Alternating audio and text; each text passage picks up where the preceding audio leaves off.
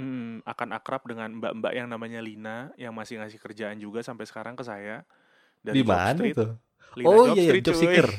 Iya. Job Street, Job Iya, Street. Job, Job Street. Kan dulu ada Job Street, Jobs DB, ngecek email, gitu-gitu aja kerjaan gue. Mbak Sama. Lina, gua kira lu cuma email gua, ternyata semuanya. Enggak semua.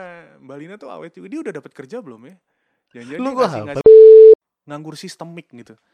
Kayaknya Anjing lu, apaan sih lu?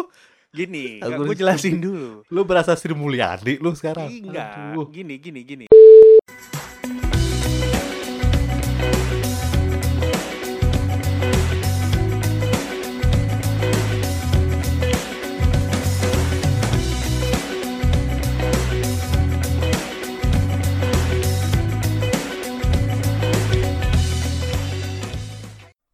Hai, halo, jumpa lagi di podcast Bapaknya Kaleb bersama saya Cesar dan juga ada teman saya nih. Benny, Hai Ben, apa kabar nih seminggu ini? baik-baik, sehat selalu. Asik, kita udah mulai bisa agak disiplin ini ya. Ini good news nih ya. Iya. Kayak three times in a row gitu nih ya. Tapi tetap santai ya. Kalau Ya. nggak bisa nggak apa-apa juga. Mm-mm. Partai santai. Oke, kita eh, masuk nih di pasal 15 bro keren ya. Kalau usia manusia itu 15 tahun tuh masa-masa apa ya? Masa-masa pubertas nih ya. pubertas. iya, masa SMP nih 15. Jadi kita senang banget bisa masuk ke pasal 15.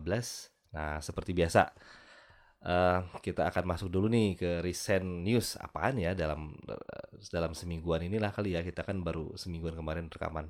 Lu ada berita apa nih dalam seminggu ini yang asik nih? Hmm, kalau gue, lu dulu apa gue dulu nih? Eh, Gue dulu ada kan? banyak cincong nih, lu dulu lah dong. Gue dulu ya, ya. Iya. Gue, gue mau ini sih, Coldplay baru rilis album baru ya. Hihi. Iya, Everyday Life sebagai- judulnya. Sebenarnya ini Bener. harusnya recent news di podcast gue yang satu lagi. Cuman podcast gue yang satu lagi lo lagi berhenti karena kita Oh gitu. iya karena sering ya masalah kalau misalnya dengan metode seperti ini kan mesti nyocok Ketiduran. jam. Iya atau ketiduran. ya udah gue bawa recent newsnya ke sini sih.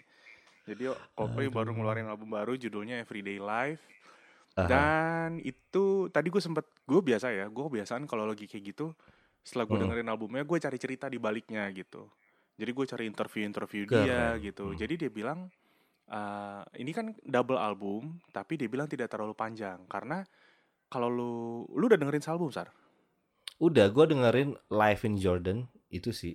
ah itu YouTube Di ya YouTube. Live in Jordan Nah, Hmm. jadi dia dia kan ada satu kadang-kadang ada satu lagu yang pas gue denger di Spotify itu kok Mm-mm. kayak direkam cuman pakai mic, pakai handphone sih gitu, atau kok cuman semenit gitu kan kayak niat nggak sih? Tapi ternyata si Chris Martin di wawancaranya itu bilang ini double Iya. album tapi memang pendek-pendek gitu dan kita memang nggak mau kayak nggak mau overthinking di album ini makanya dia bilang apa yang apa Hmm. yang ada di handphone gua atau lagu-lagu yang tercipta gua keluarin karena justru itu Hmm.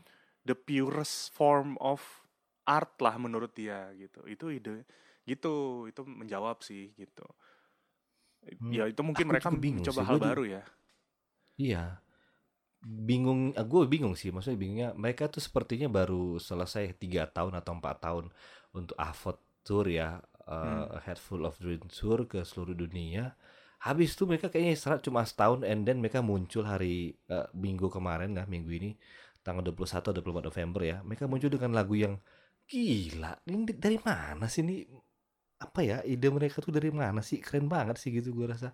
Kemudian gue ngobrol sama istri kan, Hmm, oh sorry di di di, di komen-komen YouTube tuh ada dibilang eh, hidup ini akan semakin bahagia apabila ada musiknya Coldplay dan itu bener banget sih karena lagu-lagu baru dia ini ketika masuk bro gua nggak tahu musiknya masuk and then suaranya masuk nyes gitu ya. Nyes Betul. gak sih Coldplay suara? lah.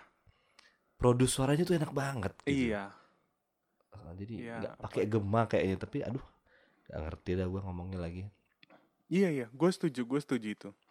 Mm-mm. jadi dia bilang kan memang sebenarnya waktu kita nonton di Singapura itu kan isu yang gue denger adalah kenapa waktu itu gue juga kekeh untuk mau nonton karena pertama itu di Singapura dan kedua Iya. gue sudah dengar isu bahwa abis ini mereka akan keluar mini album terus abis Hmm. itu mereka akan vakum sampai waktu yang tidak Vakum. ditentukan makanya gue pikir gue harus nonton ini kayaknya kelar ini band ternyata kan dia muncul dan Iya. eh, iya dan dan ini sih ya dan dia gue gue setuju sih sama yang sama lah yang kita rasain lah lagunya Iya. dia bagus sih udah udah mulai singelong dan mem- membawa apa ya ambience ambient peaceful gitu sih ada yang Bener, satu iya. satu lagu gue lupa deh apa ya Hmm. Sa- dua kan ada dua ya? single ada dua single yang dirilis ada yang pakai bahasa Perancis Orphan, Orphan artinya- satu. Hmm. Ar A- Arabask ya kalau nggak salah judulnya Arabask itu ada pakai bahasa Perancisnya itu Oh, artinya kalau nggak salah eh lu dan gua itu kita lahir dari ibu yang sama nih kalau gua nggak salah ya jadi bisa Hmm. jadi sebenarnya gue bisa aja jadi lu dan lu bisa aja jadi gue gitu pas gue gue lihat di Hmm. wawancaranya oh ini maksudnya ya sebenarnya kita nih sama aja sama manusia gitu nggak Iya, ada yang iya, harus iya, iya. dibeda-bedakan berdasarkan apa pun gitu Iya sih. Dan emang kayaknya judul albumnya itu literally menceritakan keseluruhan albumnya itu lagu-lagunya everyday life gitu ya. iya Ada yang tentang iya sih. Tapi ya itu sih, Dia- gue ada satu lagu yang yang menyentuh banget sih ya, yang Nah, judulnya sih Daddy sementara? sih. Daddy oh Iya, main gue, aduh. Lu pasti ini- dengernya pakai headphone ya, pakai Iya, earphone atau headphone iya, ya sambil earphone. Baca liriknya ya. Gue cari liriknya, gue baca, lihat video klipnya, Benar. video klipnya juga sedih gitu. Maksud gue, gue, Itu video klip yang mana? ya? Yang Eh? kartun, ya yang kartun, animasi. yang animasi Iya, iya, betul. iya. Gua, gua, Meaningful ya. betul, betul banget, meaningful banget. Dan maksud gue, ya ini masih nyambung ke pasal kita sebelumnya ya tentang tentang yang gue bilang gue sama bokap gue tuh nggak terlalu deket gitu. Tuh kayak ah you damn, gue gue kesel sama lo karena kayaknya lu tuh berhasil menyuarakan apa yang gue pengen bilang gitu ke bokap gue Iya. gitu kayak anjir Iya benar-benar. gitu nih kalau bokap gue bisa bahasa Inggris sih pasti gue udah kasih lagunya ke dia Iya. nih gitu Ah, iya iya, lu denger nih gitu. iya nih lu denger nih gitu cuman ya gitulah kadang-kadang kalau gue Iya somehow, benar-benar. gue dengerin itu Hmm. bisa sampai ini sih bisa sampai ya lumayan berkaca-kaca gitu karena Iya iya benar-benar. musiknya bagus liriknya tuh bagus apalagi yang Bagus. yang that uh, look apa istilahnya we have the same hair uh, do you know this is my birthday gitu tuh tuh kayak anjir anjir Iya, iya. Itu tipikal bapak-bapak yang konservatif banget, terutama bapak Batak sih ya kayaknya. itu Iya, pas banget gitu. sih. Mm-mm. Ini sorry kita tidak mengeneralisir, tapi emang gitu adanya gue yakin deh. Itu Iya, iya. ya gitu kan kayak anjir iya, iya. udahlah gitulah. iya. Gak usah Iya, kita bahas iya, terlalu panjang lah itu. Kasih yang dia menyayangi tapi in far away gitu ya. Iya gitu. Dia nggak bisa nunjukin gitu. Tapi pada akhirnya lu perhatikan sih, gua nonton videonya. Pada akhirnya mereka pegangan tangan antara anak dan Betul. bapak gitu Nah, sih. gitu. Justru kan awalnya itu gue nonton karena gue di YouTube ya, sambil kerja kan. Jadi kantor gue di Spotify itu di blok tapi YouTube tidak. Gitu. Oh. Jadi gue dengernya di YouTube. Nah, Iya. adegan itu kan setelah musiknya selesai tuh.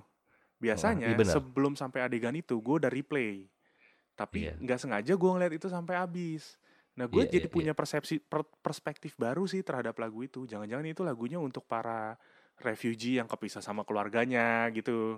Karena kan anaknya Hmm. terombang ambing di pantai, di di laut gitu-gitu sih Sar. Oh ini mungkin bukan tentang hubungan ayah dan anak yang ini gitu. Atau bisa jadi Oh. karena para pengungsi-pengungsi atau korban-korban perang yang terpisah bet- sama Iya. Ininya Ya, bisa sih perspektif itu bisa. Mm-mm, atau perspektif gua sih ya karena selama ini dia jauh sama bapak ya tapi lu kalau misalnya gua menginterpretasikan yang ada kita ada burung eh, lu yang pendengar kalau misalnya belum belum nonton mesti nonton biar, biar nyambung nih ceritanya. Hmm. kemudian ada layang-layang ada burung gitu. Seperti kayak dia dapat masalah tapi dia dapat bantuan somehow. Dan kayaknya bantuan itu yang ngasih tuh bapaknya tapi from far away ya gitu ya ya, sih. Gue tahu ada paus interpretasi ya. gue gitu. Ah, ah, ada paus yang bantu gitu sih jadi kayak bapaknya tuh ngasih-ngasih sinyal-sinyal bahwa gue yang bantu pada akhirnya ya gue datang pada lu interpretasi gue gitu tapi semua orang kan bisa berpendapat bebas Iya. ya terhadap karya itu kok berat banget sih bahasanya Iya nih, baru baru Iya. 8 menit kita. Tapi ya itulah. oke itu itu, dari itu dulu ya kerennya mereka, ha-ha.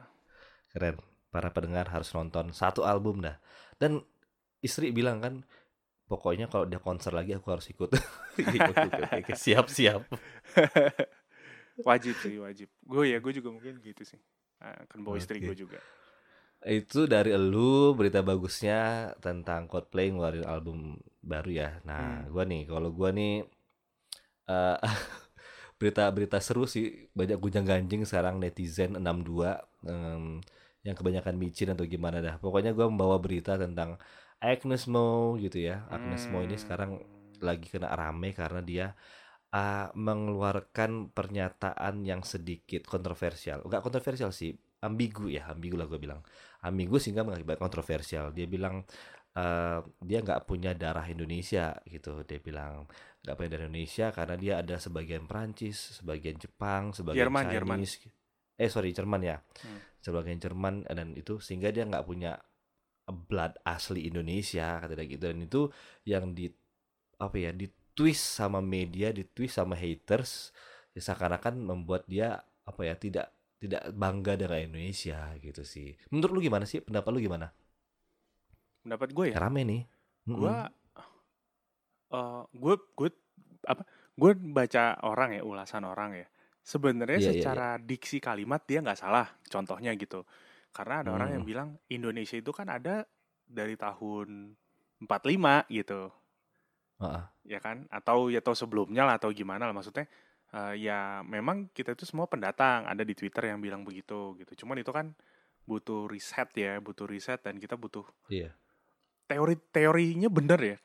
Negara Indonesia kan berdiri setelah merdeka gitu. Jadi kalau gitu kayak misalnya nenek almarhum nenek gue yang lahir tahun 30 apakah bisa dibilang dia berdarah Indonesia gitu? Loh Indonesia aja tahunnya adanya di tahun 45 kan gitu tuh gitu tapi maksud gue sih Bisa. ya Hmm, bisa, bisa dong ya gitu Mm-mm. kalau gue sih Iya, simpelnya gini sih eh Mm.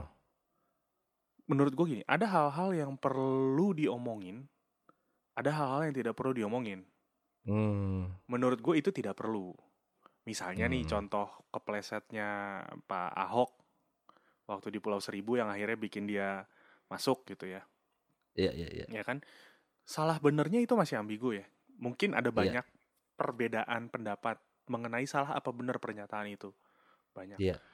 Tapi penting atau tidaknya itu diucapkan harusnya mutlak gitu. Karena buat gue dia nggak perlu ngucapin itu gitu contohnya. Hmm, iya sih. Gitu. Poin poin oke tuh. Hmm. Ya kan? Makanya menurut gue poin bener oke. salahnya Agnes Monica relatif. Tapi menurut gue itu nggak penting sih harusnya dia nggak usah ngomong gitu. Hmm, hmm, hmm. Gitu sih. Iya sih. Ya sih. Kalau gua sih ini sih eh, ya ya aku ngerti sih maksudnya hmm, karena lu nyebut tadi masalah Pak BTP ya. Jadi Hmm. memang ini seperti case-nya kira-kira hampir sama tapi dengan apa yang kisah yang berbeda ya. Karena memang dipotong kemudian yang potong itu digoreng gitu ya, ditwist sehingga memang menjadi riweh, ricuh gitu ya. Padahal lepas daripada itu wawancara selanjutnya dia malah berbicara dengan berapa bangganya dia Indonesia karena dia bawa culture-nya, dia bawa dandanannya dalam beberapa video klipnya, dia bawa apalah semua lah kan. Kemudian dia di akhir pun juga ada bilang dia nggak mau mengecewakan negaranya gitu sih. Jadi sebenarnya nggak bisa diarti, jangan dong seharusnya diartikan secara sepotong aja bahwa dia eh, nggak bangga ataupun nggak mengakui dia warga negara Indonesia seperti ada beberapa orang mengatakan even seorang profesor nyuruh memeriksa eh, keluarga negaraannya gitu ya. Gua nggak tahu itu bercanda atau enggak sih. Nah, itu kan konyol ya. juga. Konyol banget gitu ya ampun masa. Iya, mungkin bercanda sih karena dosen tuh aku sangat profesor tuh gue sangat sangat respect banget sama dia. Kok dia ngeluarin ini sih? Bercanda kali ya nih orang senang bercanda juga nih profesornya. Takutnya bercanda. Tapi ada juga seorang profesor lainnya yang orang sosiolog juga bilang ya bener karena memang eh, dia kalau Indonesia asli itu misalnya dari Batak kah atau Jawa kan dan sebagainya sedangkan dia nggak punya darah itu jadi nggak masalah dan orang kayak apa ya berpendapat misalnya eh, dia eh, ada teman gua dia orang Japa, Jawa tapi dia dibatakkan ya gara-gara nikah sama orang Batak gitu ya. Nah tapi dia bilang apakah saya nggak seorang Batak karena saya punya darah Jawa dan sebagainya gitu sih. Jadi ya sebenarnya sesuatu yang dilebih-lebihkan sih menurut gua ini. Sebenarnya ini Nah, iya. hal yang bisa dianggap santai tapi berlebihan gitu ditanggapinya gitu sih menurut gua. Ya, ya nggak tahu ya. Mungkin ya nggak tahu lah. Makanya gue pikir eh, tidak penting sih dia mengeluarkan statement itu sih. Mm, mm, mm. Ya pelajaran kali ya sama dia sama seperti Iya, pelajaran Bapak gua- BTP ya. Ya, mungkin ya why you're trying so hard? Eh enggak deh, ntar gue cut deh. Gue tadi pengen bilang, lu memang tidak merasa berdarah Indonesia, tapi lu nggak usah bergaya se- nggak usah sekeras itu bergaya bahwa lu orang kulit hitam gitu ngerti gak sih gaya dia kan yang aneh-aneh gitu sar yang Hmm, yang iya sih. seolah-olah dia itu gitu lu nggak but ini akan gue cut ya tapi menurut gue sih dia dia tahu dia Cina yang Dia berubah ya, dia berubah aja banget ya. Mm-mm. Mm-mm. Dia Mm-mm. punya kesempatan itu untuk bikin statement yang kontroversial and she take it. At the end of the day Mhm. dia ya cuma eh, cuma Cina yang oportunis saja. Dia melihat potensi bisnis mungkin, I don't know. Mm-mm. Gitu. Oke lah. Ya dah pokok. Hmm. Ya pokoknya itu masalahnya penting ya mudah-mudahan akan semua menjadikan ini sebuah pelajaran ya even itu positif atau negatif ya mudah-mudahan cepat segera berlalu dah karena biasanya kan Indonesia juga kayak gitu kan medianya semi- seminggu riweh Iya. habis itu udah lupa dah gitu. tapi Iya. mudah-mudahan dia bisa apa ya meng- mengcover ini dengan baik lah. Sayang kan karir dia tuh udah bagus banget di sana eh, bagus banget. Pokoknya bagus lah sampai ke luar negeri. Cuma gara-gara ini masa jadi tersandung sih gitu sih. Sayang banget sih Iya. menurut gua. Ya netizen, gitu. netizen butuh ini untuk berantem lah. Hmm. Begitulah. Pokoknya Indonesia butuh sesuatu yang bikin rame biar heboh lah.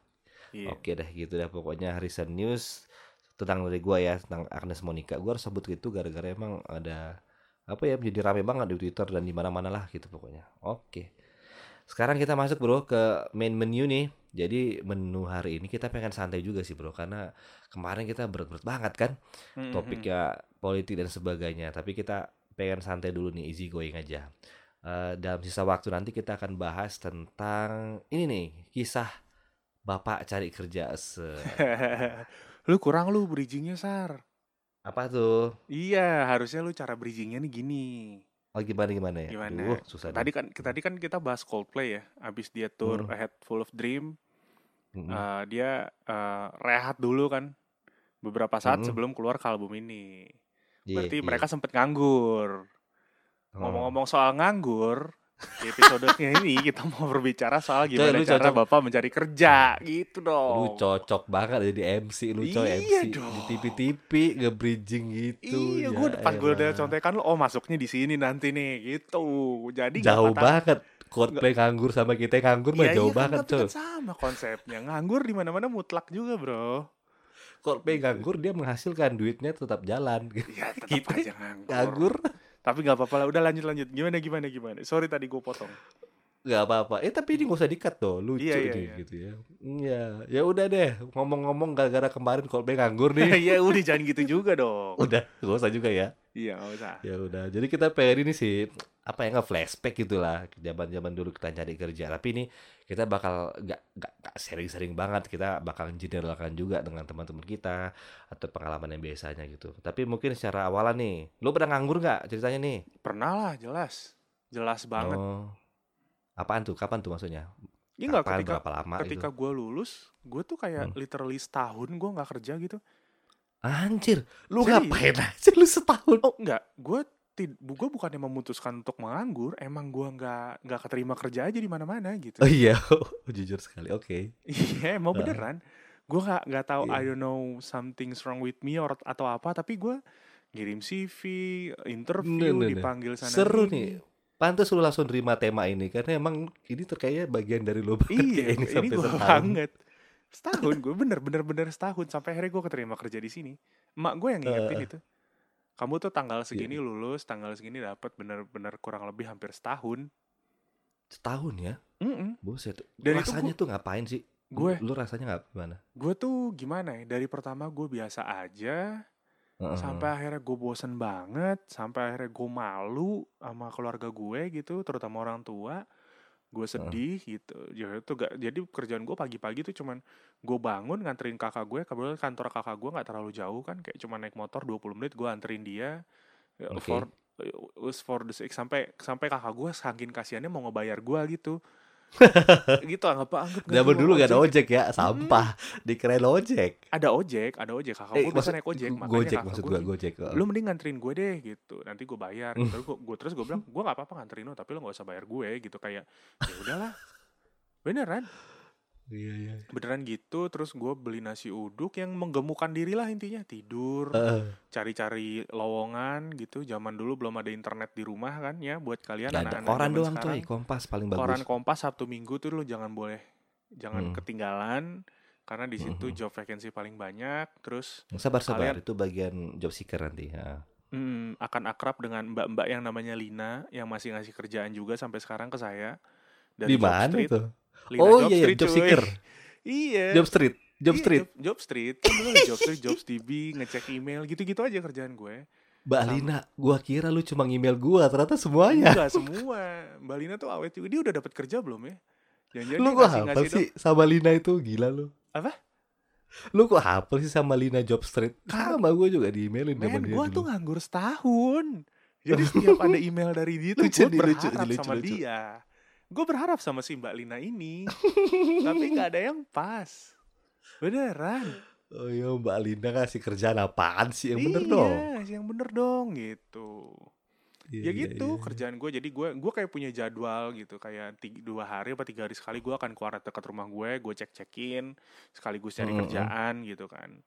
Ya itu udah. itu berarti lu habis literally misalnya lu habis selesai kuliah emang lu nyari kerja langsung atau emang ini lu niat nganggur aja atau gua gua Enggak. pengen semangat cari kerja tapi nggak dapat dapat nih gitu maksud gua gue mau nyari kerja lu tapi emang- nggak dapet dapet gue nggak Hmm. mungkin lah men gue bukan anak siapa siapa yang punya privilege ya untuk Oh, nganggur dulu asik. gitu iya iya iya bokap gue Privilege. bokap nyokap gue bukan yang kayak oh tenang tenang tenang gue masih bisa menghidupi lu sampai turunan kesekian lo nganggur aja dulu ada temen gue yang Hmm. kayak gitu disuruh bokapnya nganggur lo nganggur aja dulu Mm-mm, nikmatin aja dulu ya bukan sampai lu sampai lu ngerasain gak enaknya nganggur gitu oh iya iya iya ya dia ya dia karena bokapnya tajir kan gitu jadi ya udah nggak masalah gue nganggur gitu tapi kalau Iya. enggak emang enggak Which is itu kayaknya 0,001 persen ya kayaknya dari citizen ya kayaknya. Hmm, ya tapi memang gua kenal bokapnya juga. Bokapnya memang punya cara-cara yang out of the box sih dari dia kecil. Hmm, menarik tuh. Eh, Nah, eh, itu sebagai bagian yang lain. Gitu. Berarti ada bahkan orang yang disuruh nganggur ya sama ada, bapaknya. ada.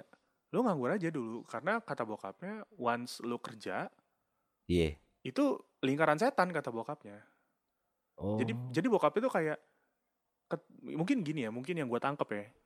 Mhm. mungkin bokapnya mikir gini, nanti ketika lo langsung kerja, lo akan lo pasti akan pengen ngerasain sebenarnya enaknya nggak ngapa-ngapain tuh gimana sih gitu. Nah, Hmm, dengan lu good merasakan point, itu, ya. lu akan ngerasain bahwa sebenarnya nggak ngapa-ngapain itu lebih nggak enak dibandingkan lu kerja gitu. Iya iya mungkin iya iya iya. Dan itu terjadi. Temen gue tuh yang wah nongkrong kan kebetulan dulu dulu komplek gue tongkrongannya di depan rumah gue kan. Ya Hmm, anak iya nongkrong benar. komplek lah kan. ya. Jadi Iya, dia tuh yang paling semangat sampai pagi sampai pagi gitu sampai di bulan keberapa ah gue bosan Hmm. nih gini-gini aja ya akhirnya baru dia kerja gitu. Tapi dia Hmm. menyadari bahwa yang gue nggak tahu sekarang karena gue udah jarang ketemu. Apakah dia punya penyesalan bahwa dia bekerja gitu kan? Kadang-kadang kan kita Iya. mikir gitu ya, aduh enak kalau bisa bangun siang gitu. Ternyata enggak nggak seenak itu. Iya iya. Ini menarik nih karena ada satu temen lu yang dia itu dikondisikan untuk nganggur supaya bisa ngerasain nganggur sama lu yang mau nggak mau memang harus merasakan Iya, nganggur. ya makanya gue tiap kita. nongkrong sama dia tuh kayak "An- ini boleh berkata kasar di podcast ini ya. Namanya, tit gitu ya. namanya Reza ya. Reza kalau lo denger Iya. ya. Bilang, Hmm. Anjing lo ya. Gue tuh mau Eh. nyari kerjaan susah banget gitu. Lu lu malah disuruh nganggur gitu. Tahu nih bokap gue. Gitu. Iya. Dan bokap dia emang gitu. Dari dari dulu dari jadi kayak dulu kita naik belajar-belajar naik motor, dia nggak dikasih naik motor. Gitu. Waduh. Iya, dia nggak dikasih naik motor karena bokapnya bilang kalau gua ngasih lu motor, eh gua doain lu cepet mati gitu. Tapi ada Buset. satu poin, ada satu poin bahwa eh dia dibeliin motor sampai dua langsung gitu, satu matic, satu motor kopling, sampai dia mikir anjir, gue udah beliin motor dua, bokap gue pengen gue gue buru-buru mati apa ya gitu. sih? Gua, dia sampai Pengen cepet dua kali lipat mati ya kayaknya iya segera gitu. dua kali Ya, lipat. tapi back back to the inilah ya. Tapi maksud gue ya gitu sih. Oke oke oke oke. Jadi gue dulu dan dan perihnya adalah pada saat itu si Dul itu rerun men. Ini gue agak banyak dikit ya. Karena gue inget banget Iya. periode periode itu dalam hidup gue gitu. Si Dul anak Ah. sekolahan. Si, Eh, si rerun. Dul itu kan gue banget.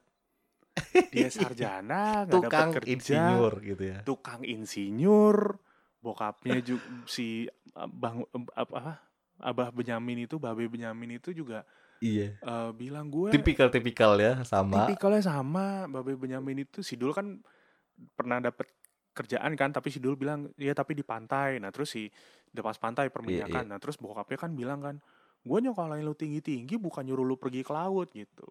Once happen di gue juga. Gue pernah dapet tawaran tapi gue di Kalimantan. Bokap gue bilang gitu Iya, iya. apain lu jauh-jauh ke sono? Gitu. Ya jadi gue kayak ah, jadi Bedanya cuma dioplet doang kali ya. Lu nggak pakai di oplet. oplet. Gue gak pakai Apa oplet. sih? gue pakai motor smash dulu.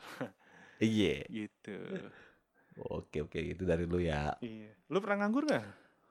gua eh, nganggurnya di tengah bro Hah? gitu nganggur tengah jadi gua Oh. habis lulus eh, gua cukup laki sih habis lulus kuliah paling gue cuma nganggur sebulan dapet gua Anjir lu cerdas dapet sih gua terus iya maksudnya ya itu what a luck lah gitu ya gitu ya tapi setelah itu gua keluar gua baru nganggur nganggurnya paling Ini cuma yang di perusahaan manufaktur, bulan perusahaan manufaktur yang mana nih? Yang pertama.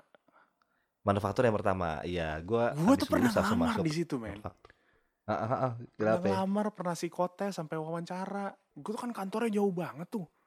Jakarta Iya, iya. Utara sono kan. utara Gue naik motor gitu. Gue gak ngerti kenapa gue gak keterima sama orang-orang itu tuh.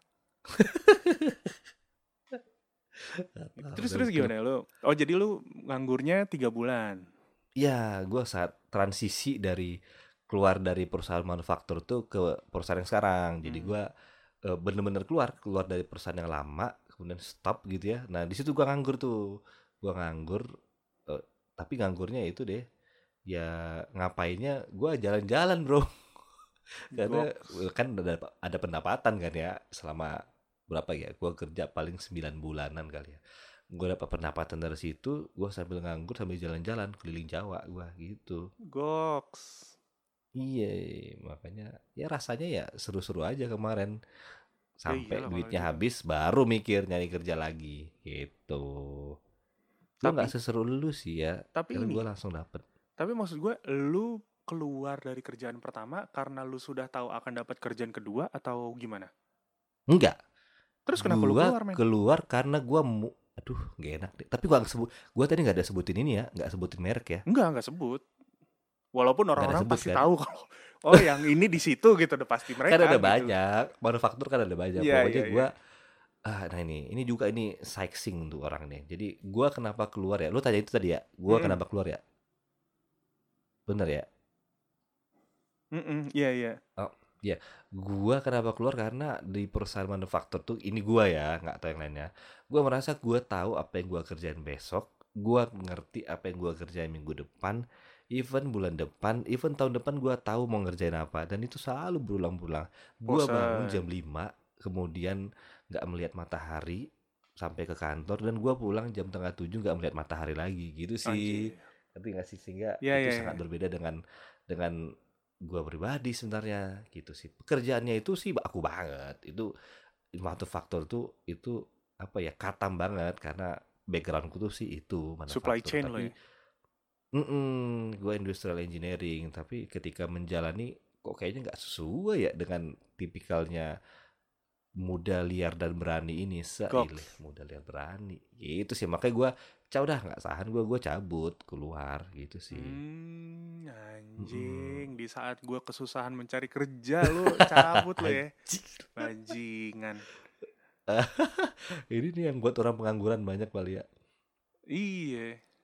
Gitu dah Ya, nah gitu. gitu jadi beda nih seru nih ya jadi ada perbedaan nih lu Hmm. nganggur nganggur nganggur nganggur apa ya nganggur terpaksa kali ya gitu ya sedangkan gue nganggur Iya. ya gara-gara pengen berdamai dulu dengan diri gue menghilangkan apa ya terkontamin hilangkan kontaminasi apa ya rutinitas kejenuhan gue nya tipe kalian sih Tapi ya. sebenarnya bisa jadi ya mungkin analisis gembel gue adalah gue nganggur nganggur sistemik gitu.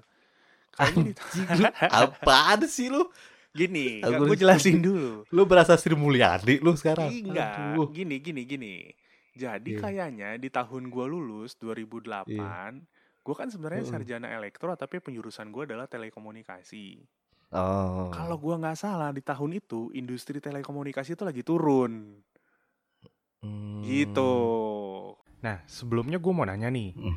Kan ada perbedaan antara lu dan gue. Tadi kan dari dari tadi lu nanyanya bahwa eh lu lu lu kayak punya titik berat bahwa gue sampai ngelamar di perbankan Iya. gitu. Sementara lu nggak mau. Nah, gue mau nanya nih, Hmm. kenapa lu bisa seidealis itu gitu? Karena tadinya gue pikir kayaknya semua semua fresh graduate tuh yang penting kerja dulu deh gitu. I- iya sih. Jadi gua Hmm. eh, mungkin apa ya nge-review gitu ya. Jadi memang gua sehingga gua gua pengennya gua ng- tahu gua nggak pengen di mana gitu sih. Gua nggak pengen kerja Hmm. di yang berkaitan dengan perbankan and then gua nggak mau ke ASN karena keidealisan gua satu lagi gue nggak mau kerja di bagian rokok karena gue nggak suka rokok maksudnya gue apa kenal di diri gue sendiri gitu ya kenal diri gue sendiri apa yang gue mau dan apa yang gue nggak mau sehingga gue ya implementasikan itu sih ke dalam uh, ngefilter gue mau kerja di mana gitu. Sehingga itu kayak otomatis menyisihkan pilihan-pilihan yang lain gitu sih. Jadi maksudnya gue bakal nggak milih perbankan gue nggak bakal milih ASN gue nggak bakal milih yang kerja di rokok. Sehingga gue fokus ke yang lainnya gitu. Dan gue kebetulan ya ngambilnya ke bilang yang selain itu gitu sih. Jadi karena gue terbentuk dengan keidealisan uh, pada saat itu ya pada saat kita muda gitu hmm, when we're hmm, young hmm.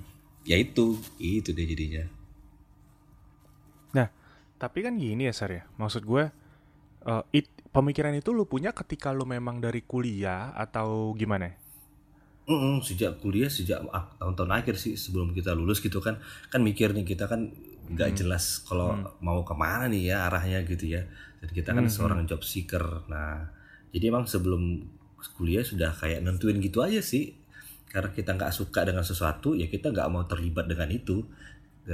Kita anti dengan sesuatu gue gua ada satu lagi sebenarnya anti dengan seseorang yang uh, perusahaan besar gitu ya. Aduh nggak bisa sebutin deh. Oke deh gak usah gue sebutin gitu. Pokoknya gue anti dengan orang itu sehingga gue gak mau masuk ke dalam uh, semua lini bisnis dia di mana pun gitu. Jadi memang gue nggak mau urusan apa pun dengan hal-hal yang nggak gue sukain gitu idealis biasa gitu sih iya iya iya, iya. hmm. Nggak, itu jadi menarik karena gue gue berkaca ke diri gue ya gue nggak nggak begitu gitu pada gue nggak tahu mungkin apa gue lupa sih tepatnya hmm. apakah ketika awal-awal lulus itu gue memang karena itu tadi gue gue tadi udah bilang basic gue telekomunikasi gue mau kerja di industri telekomunikasi gitu hmm. tapi sering berjalan waktu karena gue nggak dapet dapet akhirnya gue ngambil apa aja yeah. gue lupa sepertinya gimana. Tapi maksud gue jujur gue tidak punya bayangan. Hmm. Tidak punya bayangan sedetail lo bahwa gue nggak mau kerja di sini gue nggak mau kerja di sini gini gini gini. Karena kan tadi gue udah bilang di manufaktur itu pun gue udah gue ngelamar juga akhirnya. Nah terus tapi uh, lu juga tadi sempat singgung kan bahwa lu tuh udah lu pengen banget kerja di salah satu konsultan gitu iya. yang lu tunggu uh, yang lu tunggu berbarengan. Mm. nah uh, kenapa lu gini kenapa wah kenapa lu spesifik gue mau di konsultan yang itu gitu. Mm-hmm. Apakah lo tahu konsultan itu ngapain aja gitu atau ya gitu sih yang mau gue tanya. Iya, iya, bener, Jadi bener. kan maksud gue lo udah tahu tuh. Iya.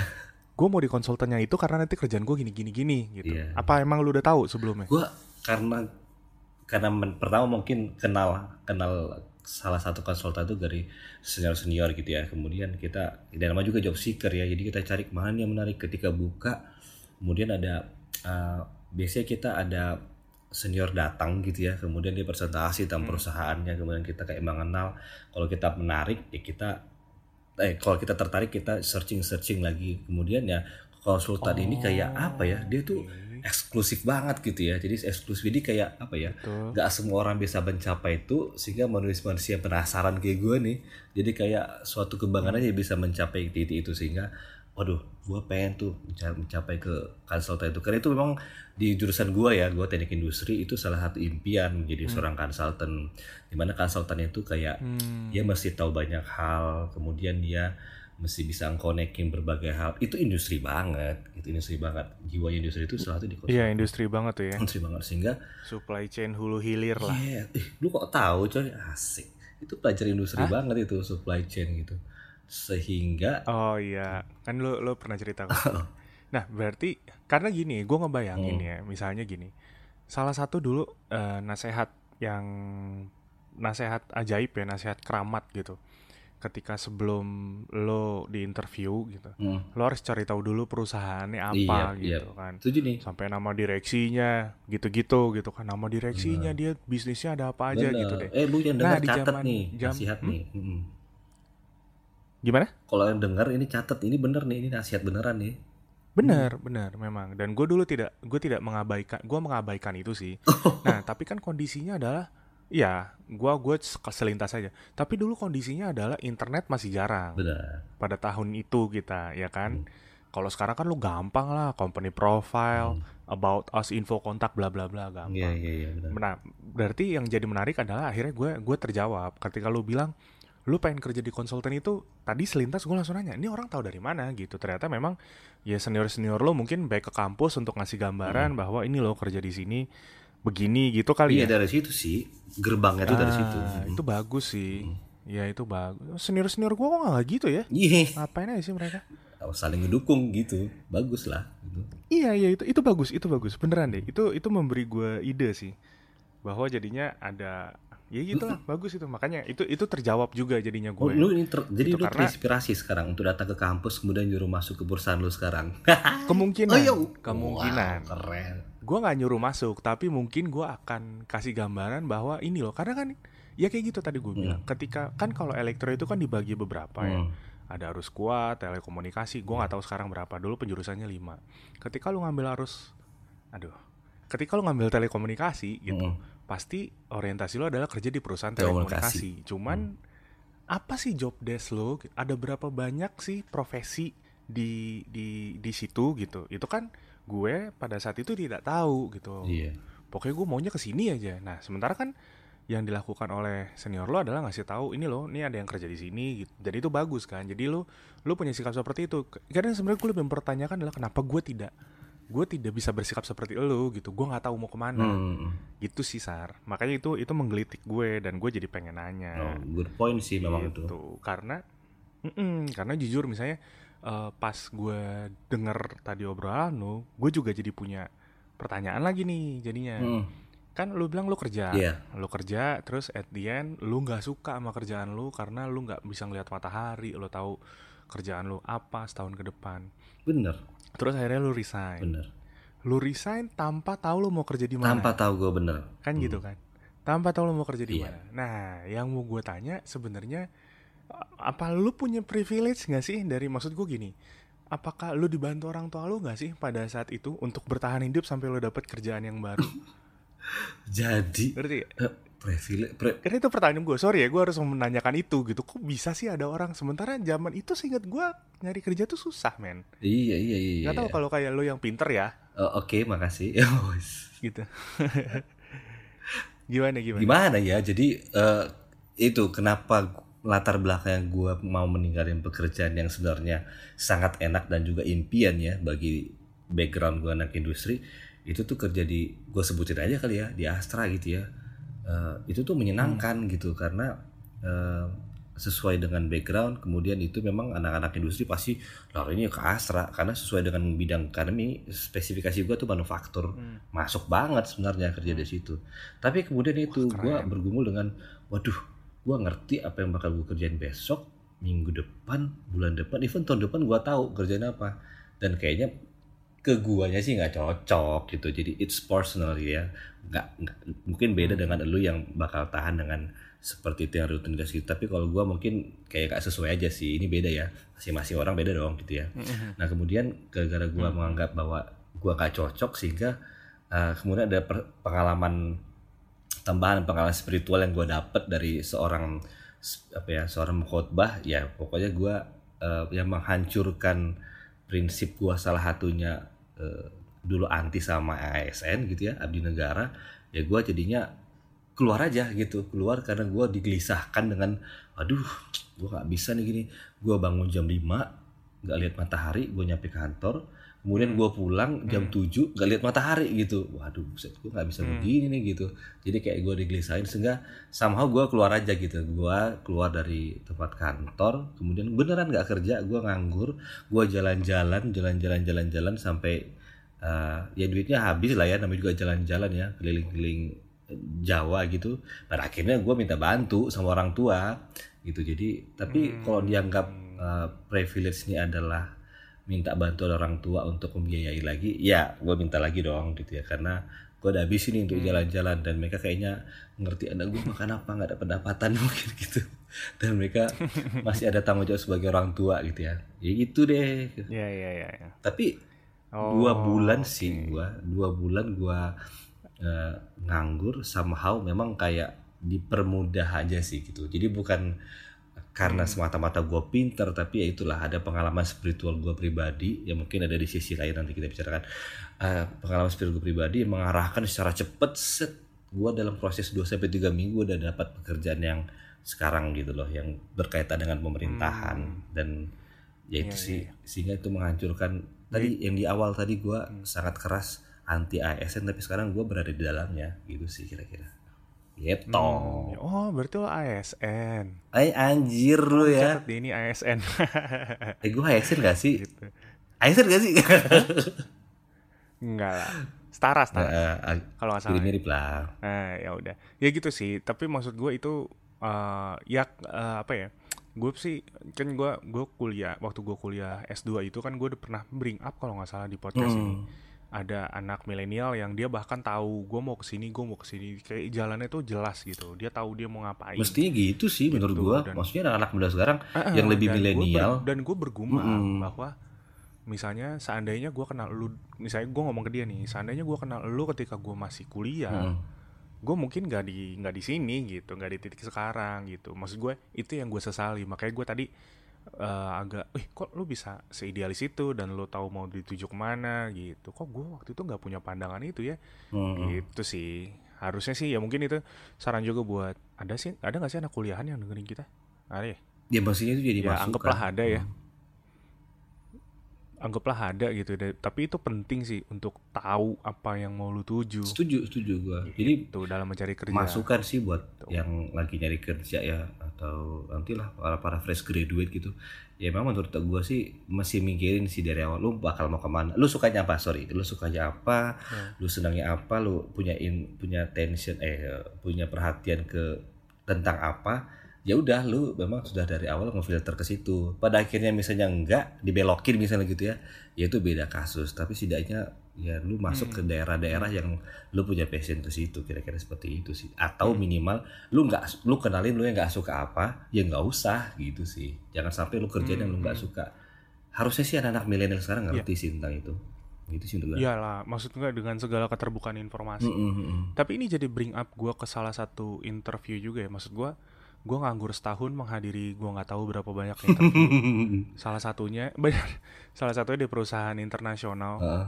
di Tamrin sana gitu. Dia bilang gini gue dengan senang hati menerima lo dia bilang iya gitu. iya.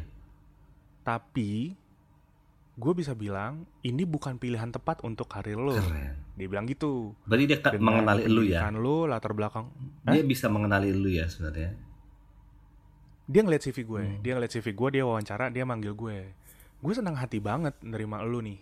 Gue ngeliat ini lo gue ngeliat dia bilang gue ngeliat CV lo gue ngeliat eh, ya i- ya lain gitulah CV lah Mm. gue akan dengan senang hati karena lu qualified dan gue yakin eh, lu bisa. Tapi kalau gue boleh ngasih saran lu jangan masuk ke sini deh.